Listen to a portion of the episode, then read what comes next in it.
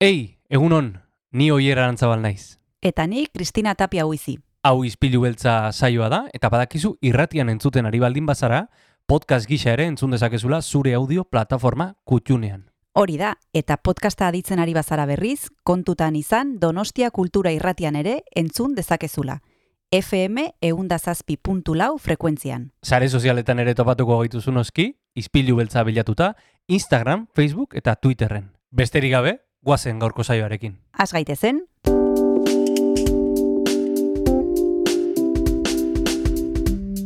Ispilu beltza. Donostiako kulturaren berri, Oyer Arantzabal eta Kristina Tapia buizirekin. Egun honen entzule, urriak emezortzi ditu, ez dakit non zauden, ez dakit trafikoan sartuta harrapatu zaitugun lanean edo etxean, baina hau astera doa. Astera goaz, Kristina, egun hon. egunon oier, zer moduz? Oso ondo. Eh, esan dakoa, desiatzen jendearen kotxetan sartzeko, jendearen eh, komunean, eh, bueno, hemen eh, eh, Donostiako... Sukaldean. kul- Hori da, Donostiako kultura eramaten dugu edo zein lekuetara. Mhm, Edozein lekuetara, eta gauza interesgarri mordoa ekartzen ditugu egunero egunero, eta gaur ere horrela egingo dugu, oier, e, antzerkiari buruz hitz egingo dugu, ondamendia ikusteko aukera izango dugulako urriaren hogeita zortzitik hogeita marrer arte, gazterzenan, arte dramak eta xutek eh, sortu dute e, zaldibarreko lubiziaren inguruko antzezlana, eta guk zuzendaria Simon Fuchs gonbidatu dugu, elkarrizketa oso interesgarria ekarriko dugu gaur izpilu beltzara. Bueno, gai oso oso arantzatxua da eta eta antzerki bidez kontatuko digute. Ea ea zer esaten digun Simon Futsek. Gainera zinemaz ere hitz egin behar dugu astearte delako eta asteartero trueba zinemetan daukazulako zita entzule eh, Bai. Kresala zineklubarekin eta bide batez gure gana etortzen dira. Bai, gainera ari dira errepasatzen kaurismakiren filmografia eta gaur Paul Ormaetxea izango dugu Le Havre pelikularen inguruan hitz egiteko. Hori da, ez dakit nola oskatzen den, Kristina, zu mugaldeko azarela igual hobeto jakingo duzu le, Da, leha. nere, ba- baino nik pendiente daukate frantsesa eta ez, da, ez, ez dut oso ongi e, ahoskatzen. Hori e, aur, aurten ez dakit, baina datorren urtean seguru hasiko garela frantsesa ikasten. Bueno, eh, ikasi beharko dugu, eh, guk ez dugu asmatu, eh, entzule zu baldin badakizu, zuzendu iguzu eh, gurekin harremanetan jarreta. Le Havre, Le Havre, Le Havre, ez dakit nola, nola demontrazaten den, baina pelikula eh, oso interesgarria da, eta hor Paul Ormaetxeak kontatuko digu. Besterik ez, eh, saio azteko agian, Jon Gartziari testigua pasa beharko diogu. Hori da, bere baimerarekin, guazen gaurko saioarekin. Gaurko saioa asteragoa zentzule eta horretarako energia hasiko dugu ezpalak talde zestoarraren azken abestiarekin, hau da, kontran.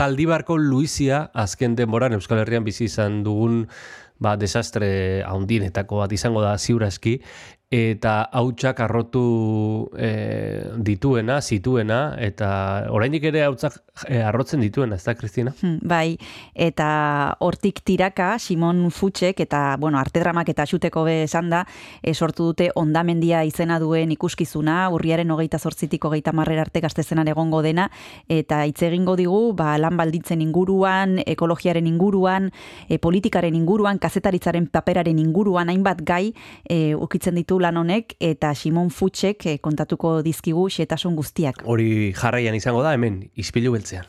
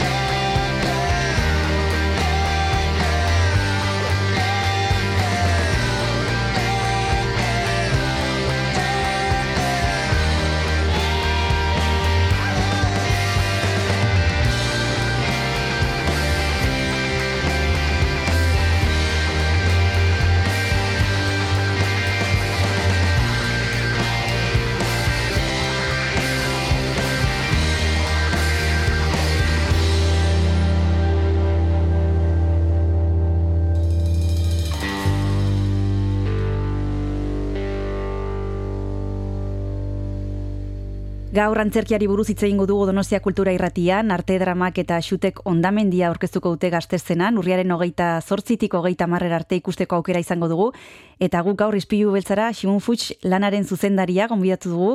Egunon, Simun, zer modu zaude? Ondo, oso ondo. Ja, lanean, topean eta eta patzen bueno, Zer da ondamendia? Gainetik irakurri dugu pikin bat eh, lan honen inguruan, baina nahiko genuke zuk esplikatzea eh, gutxi gora bera zer kontatu nahi zen zuen eh, lan hontan. Ondamendia berez eh, bi gertakariren artean gertatzen den eh, historio bat da. Historio gure historio azten da bi mila eta ogoiko otxailean, Zaldibarko Luisiarekin, eta amaitzen da bi mila eta ogoita biko iaute dietan eta tartean gertatu dira hainbat gauza, e, noski COVID pandemia hori. Eta ma, kontatzen du, bizi izan duguna tarte guzti horretan, izan da Zaldibarko Luisiaren lehen krak hori, krak erraldoi hori, austura hori, e, izu hori, absurdo keri hori, e, min hori, eta pandemiak ekarri duena ondotik, eta pandemiak eta Zabortegiak beti oso lotuak uh, izan dira historioan zehar, zeren pandemia batek, uh, kolera pandemiak ekarri zen zabortegiak uh, aldi, aldirietara eraman zirela, lehen uh, irien zetro zentrot ziren, baina narrato betetak eta ondorioz eraman dira aldirietara, eta ez dugu gehiago ikusten zertagoen barne hortan eta mundializatu dira zabortegiak, eta denetatik mundu guztitik ikertzen dira gauza barne hortara, eta eragiten duena da katastrofe mundial bat, bai zardibaren, bai pandemiarekin bat, eta tartean hainbat langile lang, e, iltzen direnak lanean, beharrean. Eta horrek pausatzen hainbat galdera, presgira gure onki izatearen izenean hainbat pertsona um, hiltzeko. Zer, latzken finean hori da, gore ongizatea mantentzeko, pertsona batzu hil behar dira lanean. Zabortegean, e, ospitaleetan, e, hainbat lekutan lanean, egundero jendea hiltzeta munduan zehar, eta Euskal Herrian kasik astero da bat hiltzen da lanean. Ha, hai, galdera horiek pasatzen ditugu gure gure antzeslanarekin. Mm Eta Simun, pentsatu zenuten, gertatzen ari zirenean gauzak honek ba, e, momentu hoiek bazutela antzeslan bat atzean edo gerora etorri zaizue ideia hau dena e, oholtzaren gainera eramatea. Eh arte dramarekin eh arte drama ta sutek da bete ditugu lanetan beti saiatzen gira kontatzen eh airearen zaporea. Hori da komplexua da, baina erraitea zertan gira zer bizi dugu eta zer ekartzen dugu jendeari beste beste lekutan ikusiko ez dena. Eta batipat gure izkuntzat, gure txat, eh, gure izkuntzean ekiteak badu garantzia handia. O, zer egingo dugu, zer kontatuko dugu, ba garantzia handia duena, jendearen zat, esaten dena edo isiltzen dena batean edo bestean. Eta hor gertatu denarekin ustutu gure mundua ere aldatu dela, eta hori eman da diogu buelta bat, eh, antzerkiz, guk uh, bizi alizaiteko kolektiboki eta bolta bat emateko bizi izan dugun guztiari. Bitu, kontatu nionean eh, elkarrezketa bat egin behar nizula eta zeri buruz eh, da, dan ondamendia, eh, lagumatek esan zian, fu, e, esan zian, ze saltza, eta gogoratzen dut e, zaldi urdina ere bai, eta beste saltza bat, eta gustatzen zaizue saltzatan sartzea. Iruditzen zait, e, e, bueno, ba, komodo egotea, bueno, ez da, ez da la zuen lana. Ez dut uste antzerkiaren lana denik. Hmm. Bere.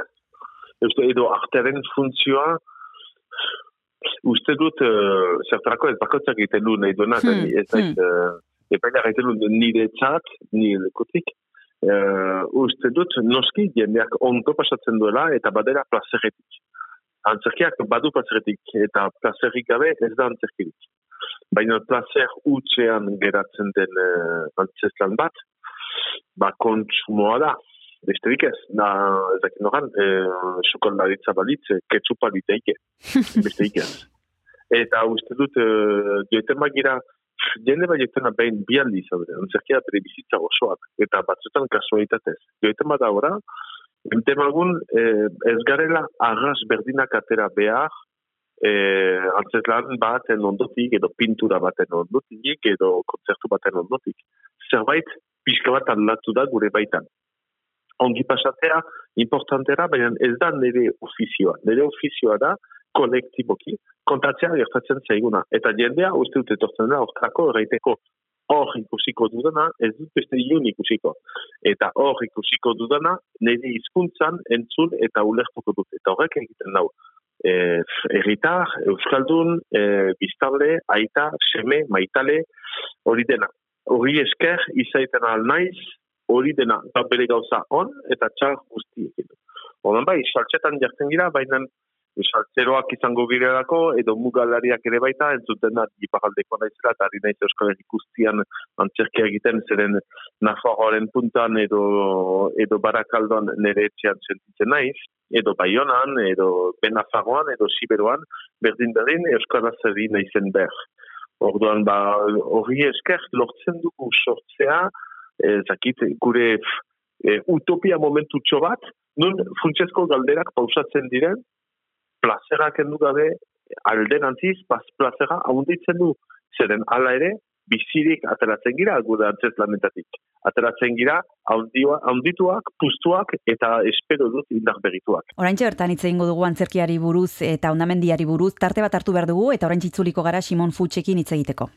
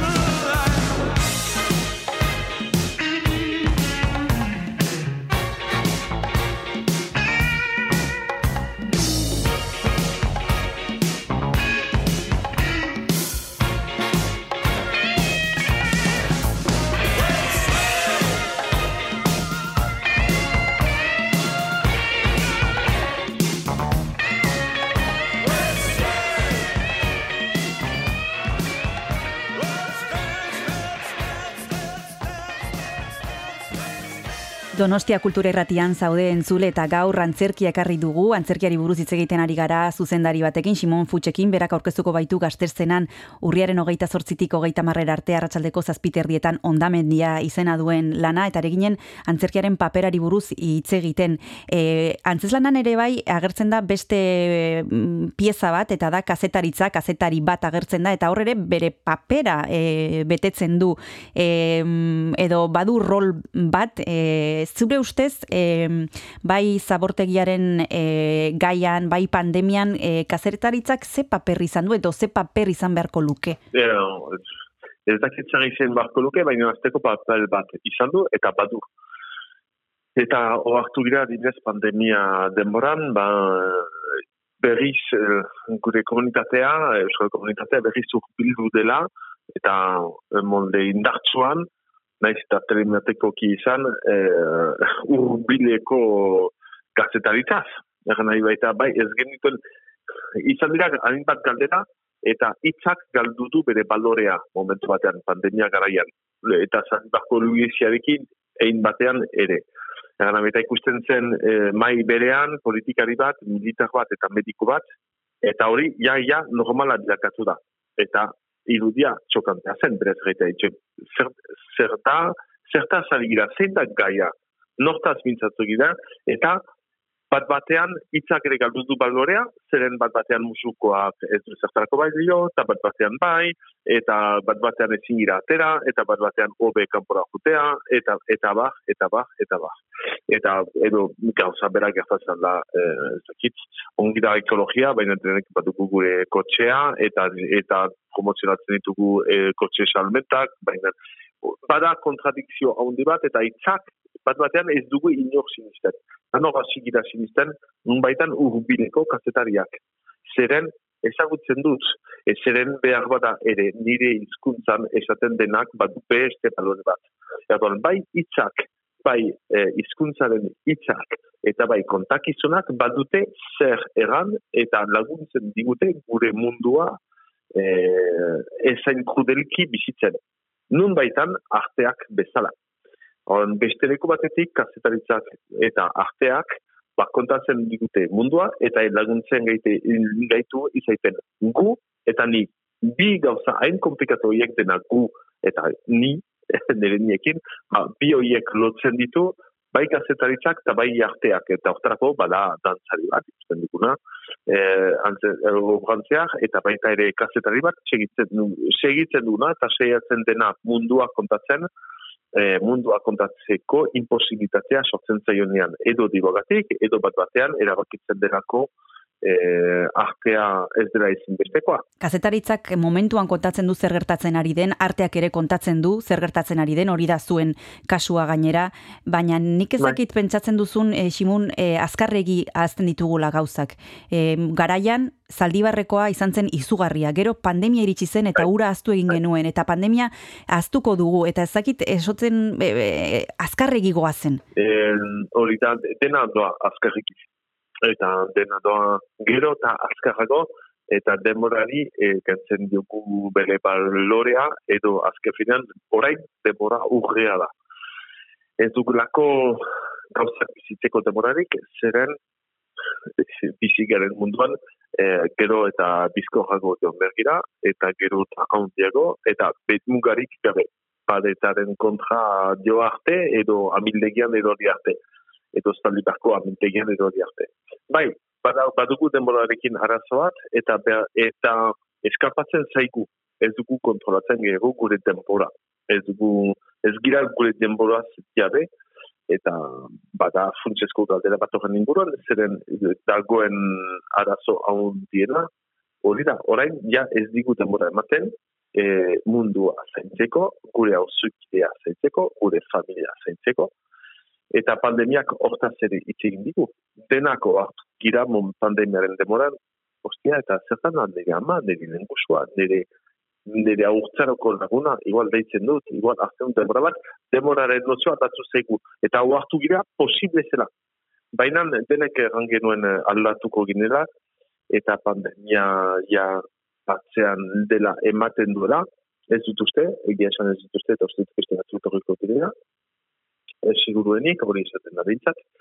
Baina uh, aztu dugu, hori, aztu dugu kapable izan girela gure denbora, gure harremanak beste molde batean kudeatzeko. Orduan badugu gure ardura, pertsonalki eta kolektiboki hori berriz mai gainean jartzeko. Eta demorarekin beste molde batean justatzeko zen antzerkean ortrako ere bukatzen da iauteriekin.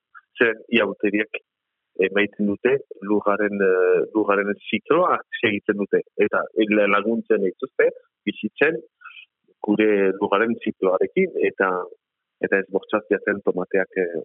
Bai, izugarria da. Oraintxe bertan itzuliko gara, bigarren tarte bat hartu behar dugu eta Simon Futxekin jarraituko dugu hitz egiten ondamendiaren inguruan.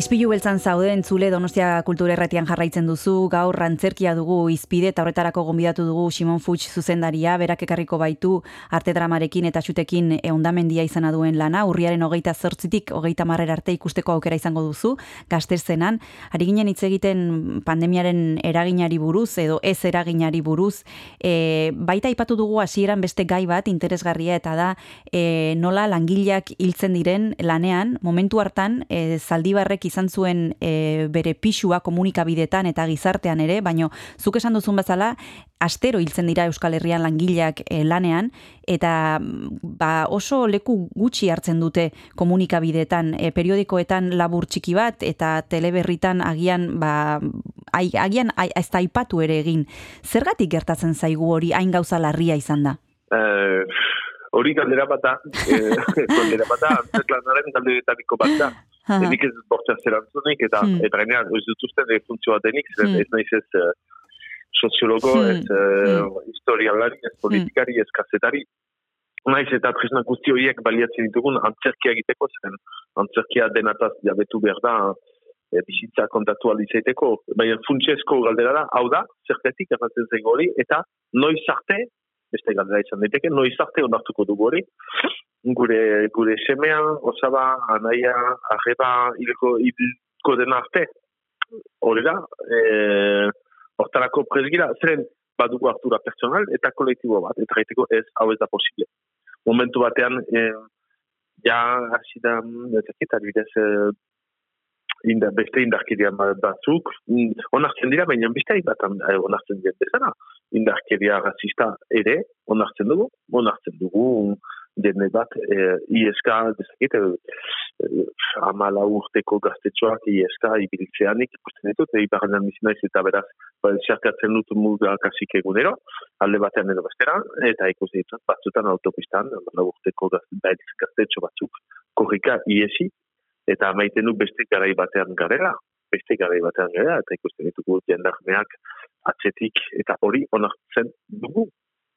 Eta eta guk onartzen dugu no, onartzen dugu no langileak hiltzea lanean, onartzen dugu no indarkeria machista edo arrazista, gertatuko da.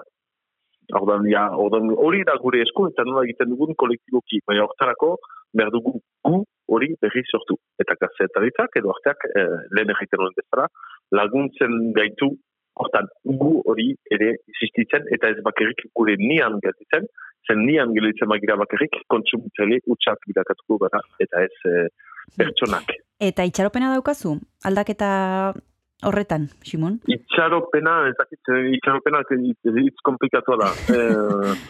Eh, eh, pe- pena itxaron, ez dakit, eh, eh, konfiantza, egan dezake gehiago, konfiantzan, eh, eh, bai, eh, zeren, eh,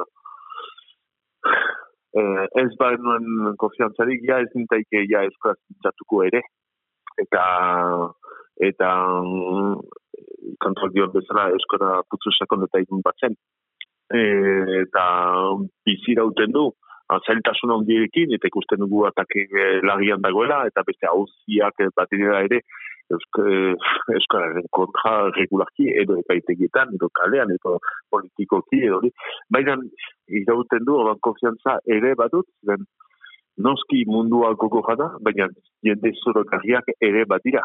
Eta hori ez dugu ez dut ez dut ahazten zeren beste ez dut eh, ez dugu pesimismoaren lujoa eh, beste ez eh, beste ez ba hortan bego eta eta berriz erortzen gira ninismoan ninis, eh, zera ninismoaren aitzaki on bat da pesimismoa ez ez behar behar dugu jakinda mundua gogora eta paletaren den eta paletaren kontra doala. Guk behar dugu segitu eh, alaiki eh, mundu hori hobetzen, edertzen, eh, merezi dugulako eta gure aurrek, burrasuek, arpasuek, historioak, komunitateak eta munduak nobaitan merezi duelako. E, esan bezala, ondamendia daukagu ikusgai gaztezenan, Simun, e, zuk e, lana, esan dezagun, bukatu duzula, orain e, ikusleek e, joan behar dugu antzokietara, baino ez dakit beste gauzaren bat daukazun buruan, kajoian, mariaren gainean, e, beste proiekturen bat, edo buru belarri ondamendiarekin. Eh, biak. biak biak eta eh, ondamendia ez da sekul amaituko. Azken eman aldira ino, beti zaitko gira hobetzen, eh, bizi da izaki bizi bat da antzerkia. Eta horren beti behar zaio lagundu hortik muitzen, zen barren diren aktoreak muitzen dira, aldatzen dira. Bai, bai. Dira gertakariak eta merizidu aldiero, gainera artekara ekidea egiten dugu, beraz, eh, gaur egungo historia kontatzen dugu. Ez dira, hilak gure historiak oraindik bizi dira, eta horren beti izango da zertxo bat aldatzeko, muitzeko, izaiteko alik eta gertuen gure publikotik. Eta aldi berean, beti, beti ari gira urrengo historioei pentsatzen, zeren, zeren eh, garuna edo imaginarioa irudi, irudimena ez da sekula gelditzen eta eskerrak bizirik gaudenen uh, zeinale. Noski, noski. bueno, ba, urrengo lararen zain geldituko gara, bitartean esan bezala ondamendia daukagu donostian ikusteko aukera, urriaren hogeita zortzitik hogeita marrer arte, ratzaldeko zazpiete, zazpiterrietan, eskerrik asko Simun Futx izpilu beltzara urbiltzeagatik, besarkada bat eta urrengo arte. Bai, berdin. Aio. Aio. Nola esan Egin dezakegu Iria lokatzen denean.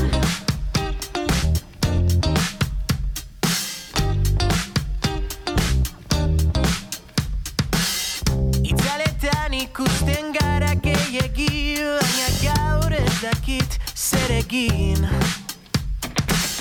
Mugitzen zaren inguru usteletatik Deseroso sentitzen naiz ni. Ezin dizut idatzi oraindik ez dut erantzun Da zu guzti argi duzu. Autoa eta pistola lortu dituzu Aukera ezin dugu galdu. Mila baldintzen menpe bizi zara zu Zure beldurren esklabu Polizia atzetik badatorkigu Arren atzera ezaditu Ez gara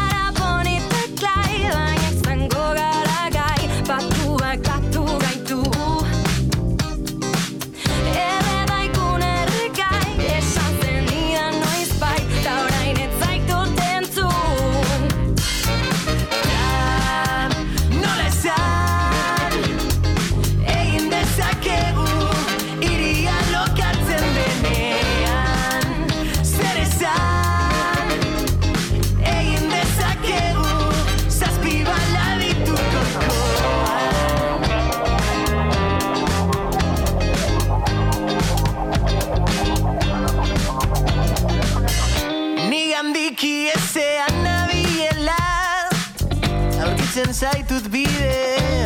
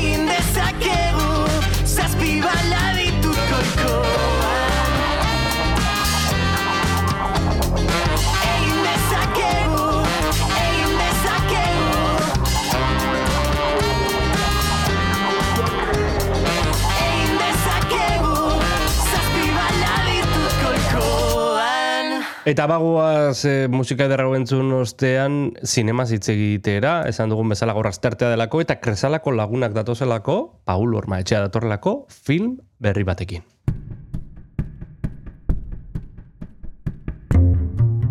Bueno, film berria komia artean, Paul, egunon. Egunon, oier. Zer moduz? Ba, bai. Ondo, ondo. Ondo, ezta?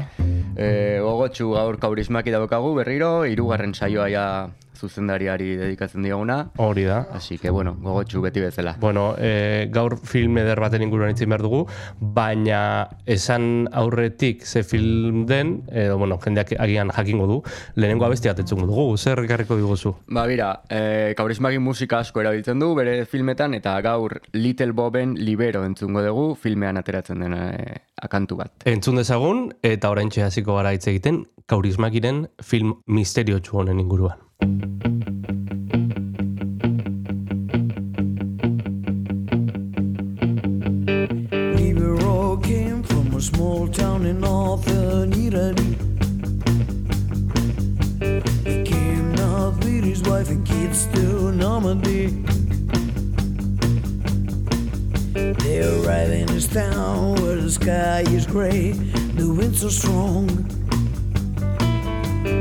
Feed his family work that did nobody wrong. Found some work in a copper factory. Found a place to live, a home for his family. Libero put together slice in this promised land.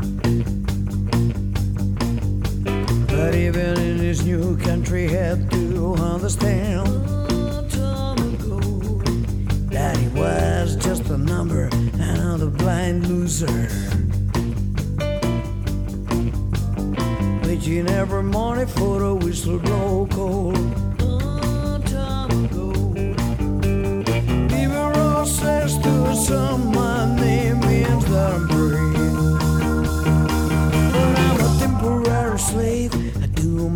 job as you can see.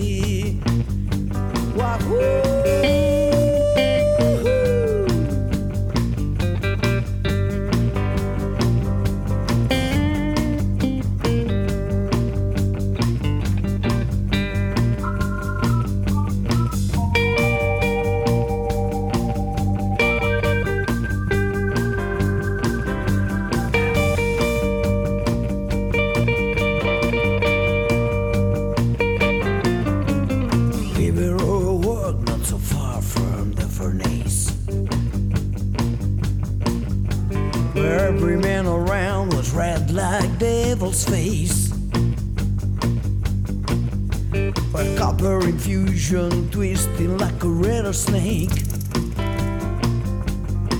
With the heat and the noise, the danger so close.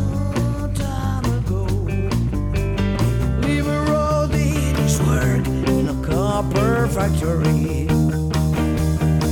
For some money to leave, home for his family. Now Libero is all gone forever in his promised land.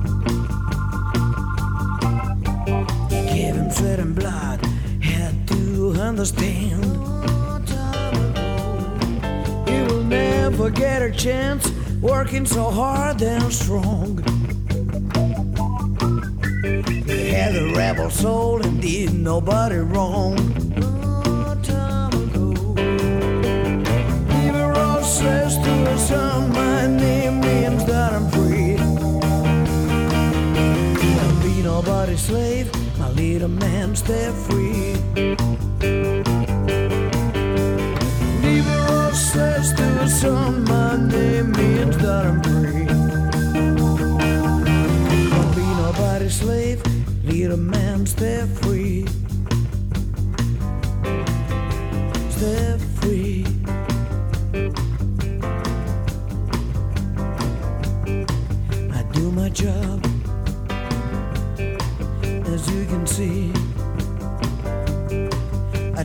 Stay free, stay free.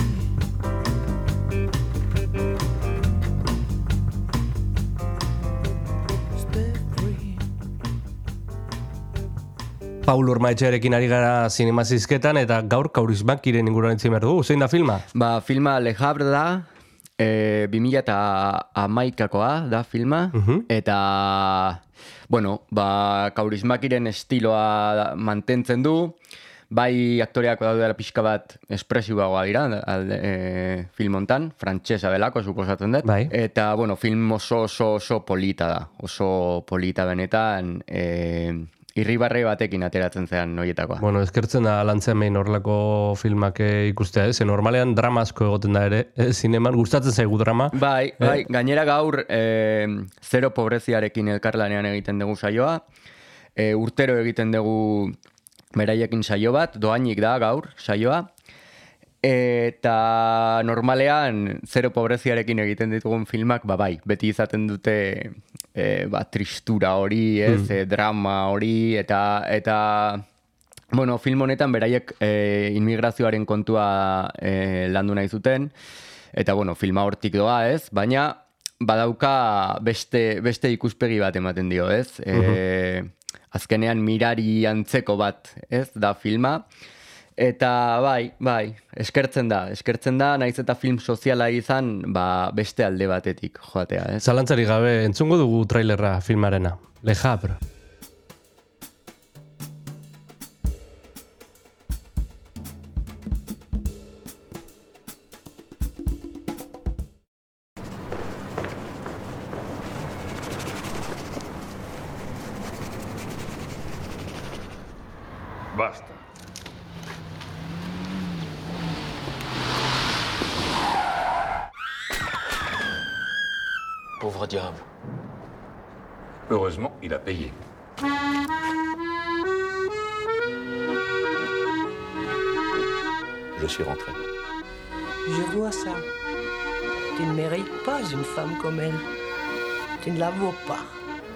Personne ne la voit, alors pourquoi pas moi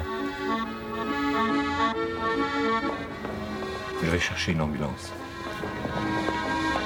Il n'y a donc pas d'espoir. Il y a souvent une hâte.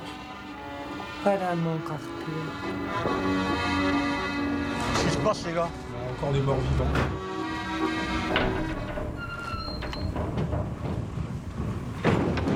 Bi mila eta amaikean e, koitzi zen filma, eta, bueno, saritua izan da, oso saritua gainera. Bai, bai, e, bueno, filmak izugarrizko arrakasta izan zuen, e, ustet kansen egontzala, gero e, zinemaldian ere perletan egontzan, nik bertan ikusi nun, eta bai, filma, e, bueno, izugarrizko arrakasta izan zuen filma da, e, e, nik uste dut e, kaurismakia ezaguna zela ordurako, baina agian ezagutzen etzun jendearentzako film irekiagoa da, ez? Kaurismakiko oso estilo markatua dauka, e, Finlandian egiten zituen filmak, hau ere Finlandian ekoitzita dago, baina film guztia Frantzian gertatzen da, aktore gehienak frantsesak dira, eta eta pixka bat ba, ba, e, ezagutzen ez dutenei ere nik uste dut e, bidea ireki ziela ba, zuzendari hau ezagutzeko eta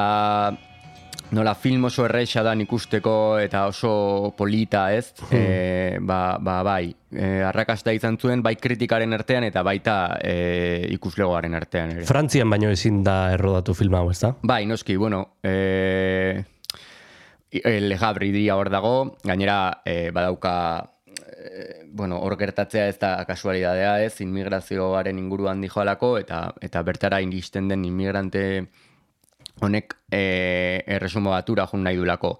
Eta Le Havre hor e, e, iparraldean dago, kostan, eta bueno, ara iristen dira inmigrante batzuk, eta e, protagonista edo, bueno, um- ume protagonista esango nuke, naiz eta protagonista beste gizon bat izan, e, ba, bertara iristen da, eta bai, eta e, iria, bueno, ondo dago erretratatuta, e, ba, portu zonaldean dago kokatuta historia, e, beti bezala kaurismakik e, langile klasea oso ondo erretratatzen du, kasu honetan e, ba, zapata garbitzen dabilen gizon bat da protagonista, eta bizi den ba, auzoa esango genuke dela, ba, auzo pobre edo langile e, auzo bat, eta, bueno, beti bezala hori kaurismakik primeran egiten du. Tira, e, gaur e, Kresala Zinekluban ikusi izango den filma. E, guazen bigarren abestiarekin, Paul? Ba, bigarrena izango da The Renegades-en Matelot, e, filmean agertzen da ere bai, e, ja kredituetan bukaeran, eta abesti oso oso polita da. Entzun dezagun.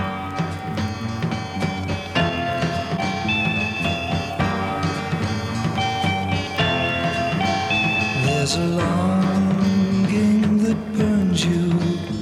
You have to return to the only life you'll ever know. The sound of the swaying, the hornpipes are playing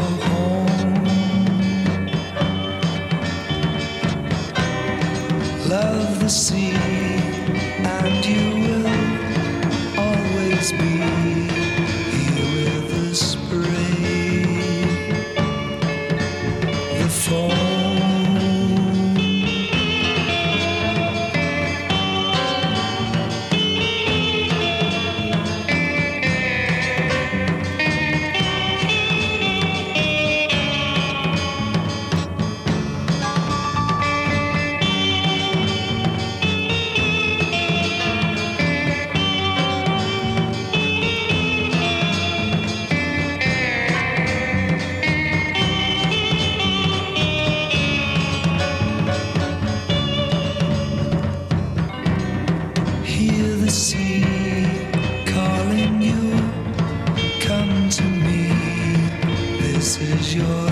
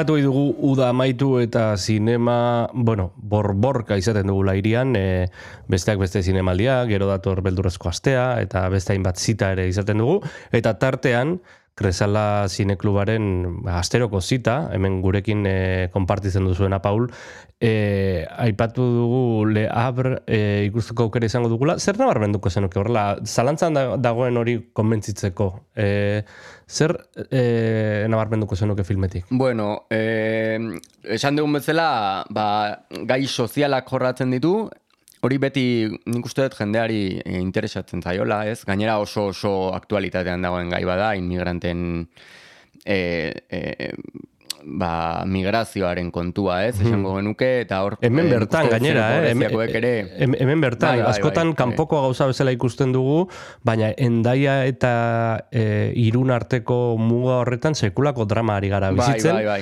eta batzutan Bai, badirudi bai, bai, beste alde ba. batera begiratzen dugula, eh? Hori da, bai, eta filmeak ondo erakusten du hori. Naiz eta filma azkenean e, polita izan, edo, edo bueno, badaukan e, ikuspegi positibo bat, esango genuke, Hmm. E, drama hori ere erakusten du, eh? E, oso ondo erakusten du, e, nik, nik eskertzen dut e, hori, ez? Positibotasun hori edo azkenean mirari bat bezala da, esan dut, ipuin bat bezala. E, badakigu hor gertatzen dena, ba, bizitza realean tamalez ez dela gertatzen. Baina, bueno, erakusten du beste modu bat, ez? Horrekin e, migrazioaren kontuarekin e, edo nola, nola jokatu beharko genuken, ez, migrazioaren kontuarekin, ze hemen pertsonaiak e, mi, e, ba, lagundu egiten dute, ez, migrante hau. Eta gainera zero pobreziagoek ere ba, hitz egingo digute migrazioari inguruan, nik uste interesgarria izango dela kontatu behar dutena, eta filmean aipatzeko e, gaiaren kontu hortaz aparte, E, bueno, kaurismakik beti bezala izugarrizko argazkia dauka, film honetan gainera kolore asko daude, oso koloretsua da, e, oso polita da ikusteko, e, hori, argazkia, argazkia batez ere da sekulakoa, gero beti bezala kantu asko sartzen ditu filmean, musika polita dauka, e, ez dakit, niretzako filma zoragarria, zoragarria. Nik uste dut, etortzen dan e, euneko eunari e, filma gustatu ingo zaiola. Ba, ona gomendioa Kresala Zinekluban parte hartzera, ez bakarrik film honetan, urte osoan zehar daukazu aukera entzule zinezalea bali mazara troeba zinemetara gerturatu eta zi, zinema ederraz e, disfrutatzeko, gainera solasaldiak ere egiten dira aldiro aldiro. E, tira, Paul, ba, mm, agurtuko zaitugu, eta eta Bai, hurrengora bueno, esan beharra daukat, oie, Esan. E, barkatu, aste honetan gainera e, bi saio dauzkagula, bihar izango da Kresala Zineklubaren berrogeita margarren urte hurrenaren ospakizuna. Bai. Eta gure dokumentala erakutsiko dugu. Des, Em, desiatzen gaude ikusteko. Antzok izarrean izango da, eta, bueno, gonbidapenakan eskuragai daude e, antzok izarreko lehiatilan. Lehengo astean leire gainak ja hitz egin zizuen dokumentalaz, beraz, Bai. bueno, animatzen zaituztegu, bai gaur, bai bihar, ba, kresalara etortzera. Dudari gabe, han izango gara eta dokumentala ikusteko desiatzen gaude e, eta ospatuko dugu urte osoan zehar zuekin, e, Paul. Oso ondo, hier, ba, mil esker beti bezala. Agur, agur. Agur.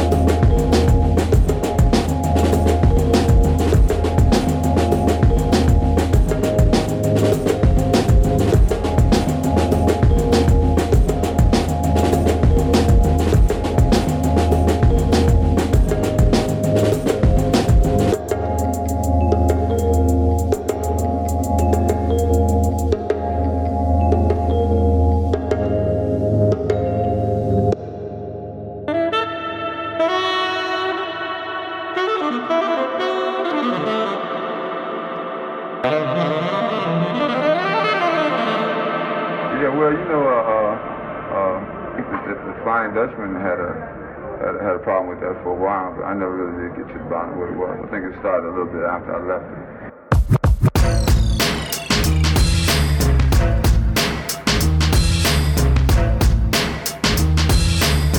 Ispilu beltza, Donostiako kultur paisaiaren isla da Donostia Kultura Irratian eta zure audio plataforman Spotify, Apple Podcast, Google Podcast eta irratia.donostiakultura.eus webgunean.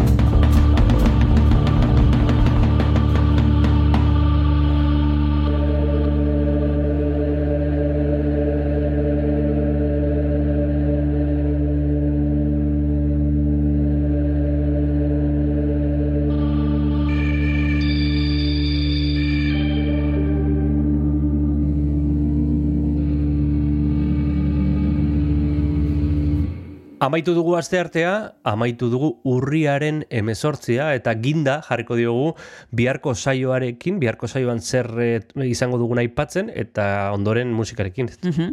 Bihar aiert beobide izango dugu izpilu beltzan, atik konpainiaren zuzendaria eta herrima bi oinetan igeldoko frontoian ikusteko aukera izango dugunez, ba, gonbidatu dugu Donostia Kultura irratira, oier? Aier beobide izango dugu biharko saioan, gainera esan bezala, e, bueno, bai e, elkarrizketa artean eta eta saioaren amaieran Jon Gartziak e, bere musika jartzen digu, eta berarekin utzi aurretik gogoratuko dugu non topatu dezakegun izpilu beltza. Topatu dezakegu Donostia Kultura irratiko webgunean, topatu dezakegu uinetan, eundazazpi puntu lau frekuentzian, eta nahieran, plataforma guztietan, zuk erabiltzen duzun plataforma horretan, topatu dezakezu izpilu beltza. Topatu, arpidetu eta lagun artean banatu. Besterik ez, bihar arte. Bihar arte.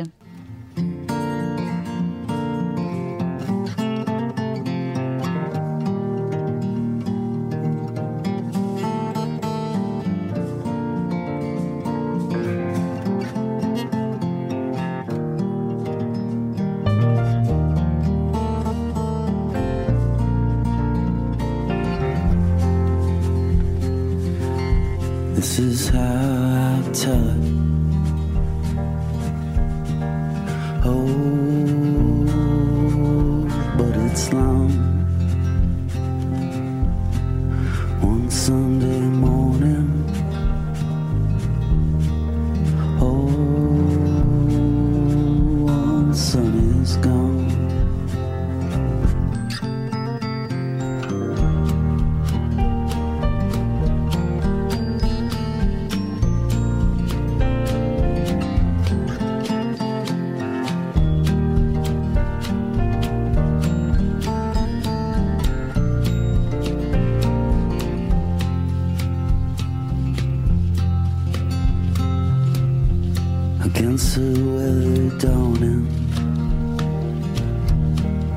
Over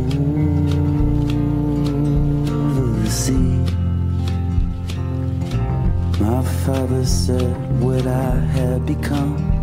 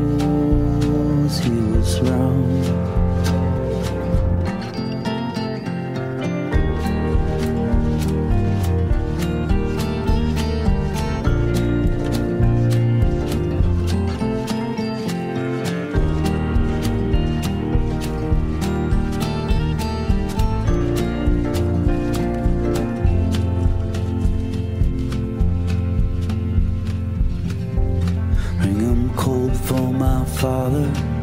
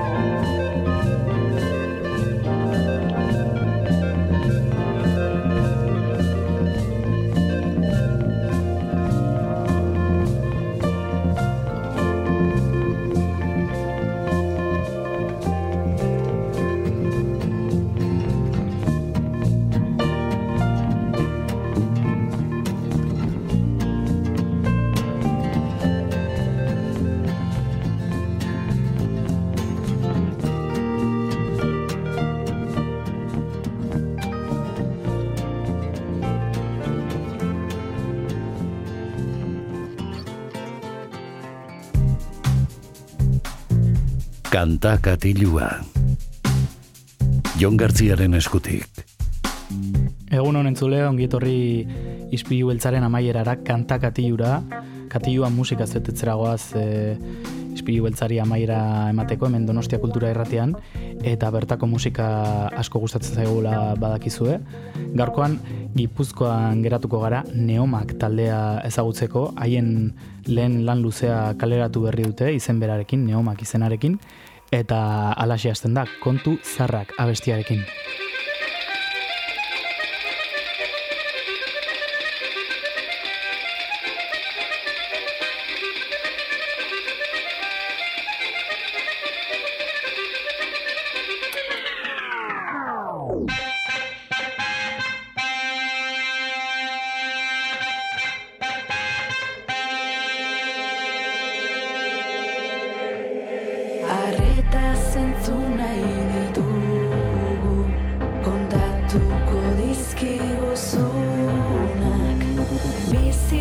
Blai dituzu begiak Soinean urtea. Ta kontu kutxunak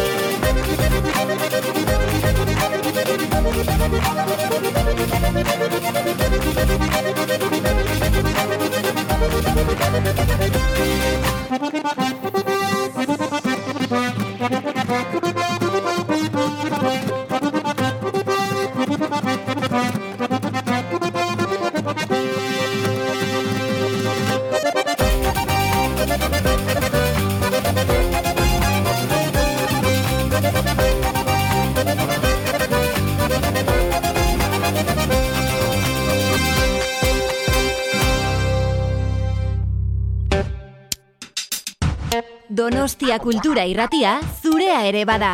Zatoz eta parte hartu.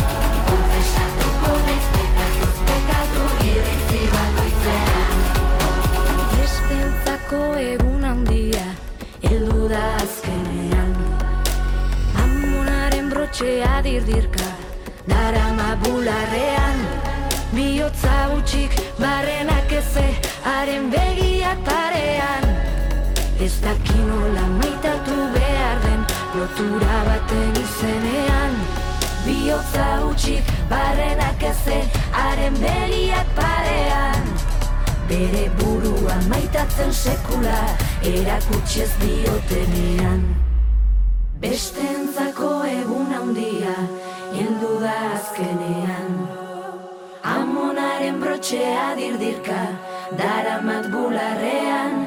Biotza utxik barrenak eze zure begiak parean. Ez dakit nola maita zaitzak lotura baten izenean. Biotza utxik barrenak eze zure begiak parean. Nire burua maitatzen sekula erakutsi ez didatenean salieron temprano.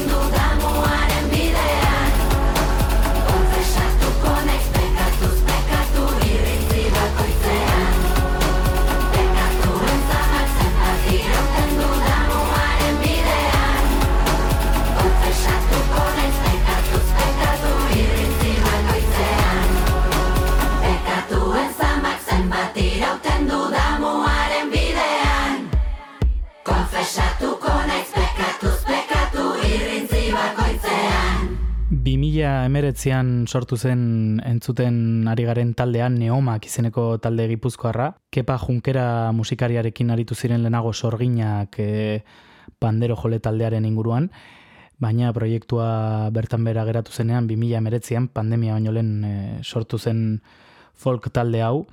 Zazpi partaide ditu, haietako hiru arrasatearrak eta gainerakoak deba, zarautz, zizurkil eta asteasuarrak eta orantxe kaleratu berri dute haien lehen lan luzea, neomak izenekoa. Guazen entzuten eta ezagutzen jarraitzera bestea besti batekin, hause da, hogeita bat garren mendekua. Elkarrekin lehiatzen, ikusi nahi gaituzte baina, aurkari izateko, ez igintuzten baina, ez ala hobe batzea beti elkarren aurkari joatea baino Ez ala hobe batzea beti elkarren aurka joatea baino.